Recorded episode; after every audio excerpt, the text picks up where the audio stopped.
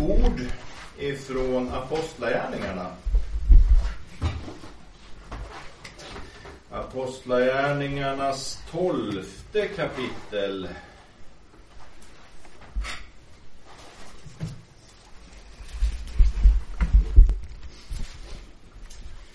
Det kom över mig i morse detta och jag kände att vi skulle inleda där ifrån den femte versen.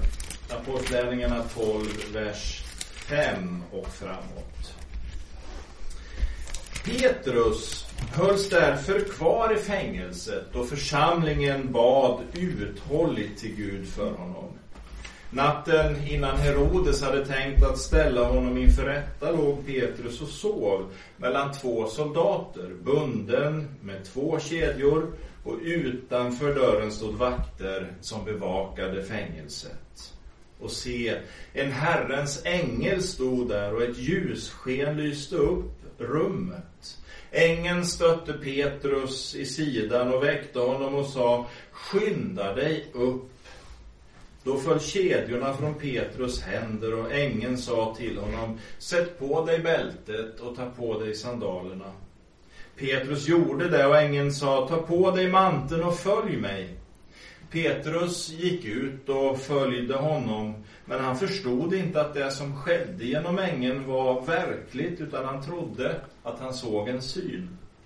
De gick förbi den första vakten och så den andra och kom sedan till järnporten som ledde ut till staden och den öppnades för dem av sig själv.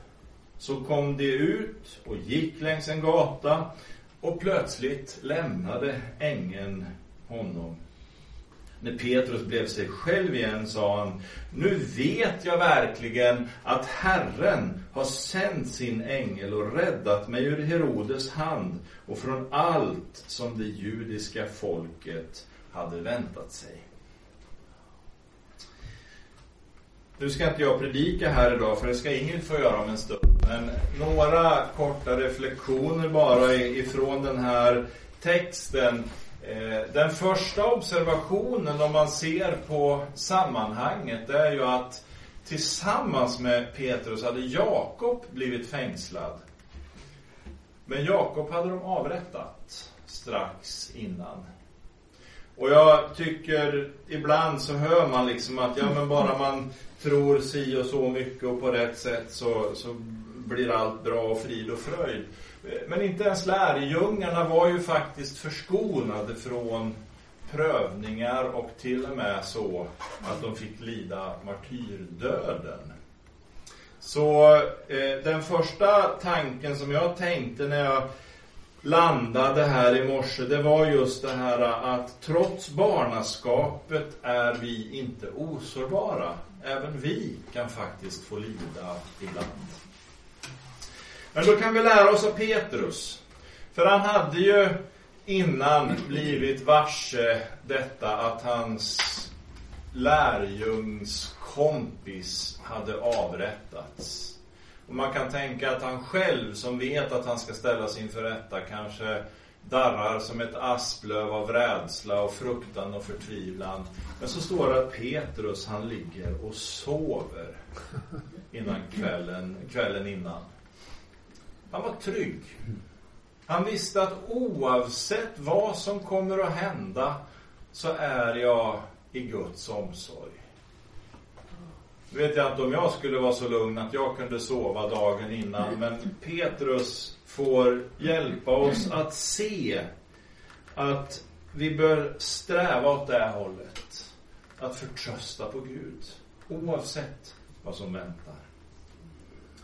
Och det ligger han bunden med två kedjor. Normalt så hade de bara en, så han ansågs väl vara extra dubbelfarlig. Han ligger där kedjad med två kedjor och massa vakter omkring sig. Och världen trodde att nu har vi honom i vårt förvar. Men så lär vi oss att när Guds plan då kan inte världen kedja oss. Då kan inte världen hålla fast oss. Därför att Gud är större, Gud är mäktigare. Gud kan befria oss och föra oss in i olika situationer. Hur omöjligt och hopplöst det än kan se ut. Därför att Gud är så mäktig. Och Petrus, han behövde inte fly naken heller utan Guds sändebud, ängeln, säger åt honom också att han ska få klä på sig. Det, det, var inte som att han fick fly hals över huvud utan han fick ta på sig sina sandaler och bältet som höll upp klädnaden och så manteln fick han också ta med sig. Så Gud han har omsorg och Gud utrustar oss när han kallar på oss. Och Petrus, för det fjärde, han hade ju ingen aning om vad det var som hände. Han trodde ju att han såg en syn. Och det kanske var räddningen, att han inte förlitade sig på sitt förstånd. För tänk vad många gånger vi har hindrat Gud när vi börjar tänka och grubbla för mycket. Tänk, ja men det där går ju inte, det förstår ni ju.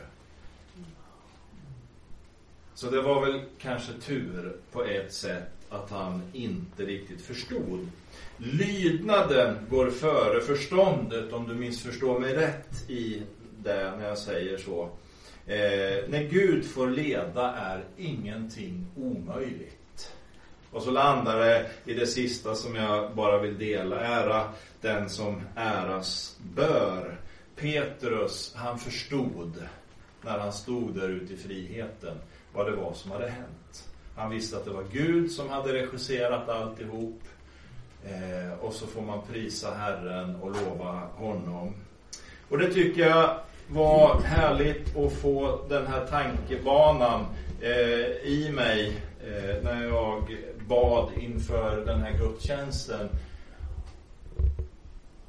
Och någonstans i den linjen tänkte jag att vi skulle be och tacka Gud nu.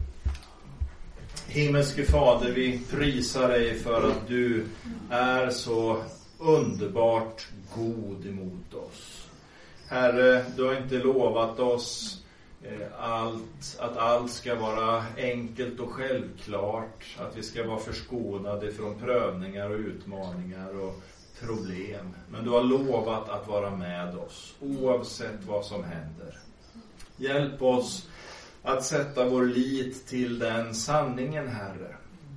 Att du är den vi ser på. Vi ser inte på berget, vi ser inte på problemen, vi ser på dig och förstår att du har en väg för oss. Tack att vi får förtrösta på att du också har en väg genom den här gudstjänsten. Vi ber för Ingrid som du har låtit oss få idag, Herre. Du har lagt sånger och tankar på hennes hjärta. Och nu ber vi helige Ande att du ska göra dem levande för oss. Att det får bli en hälsning ifrån dig, Herre.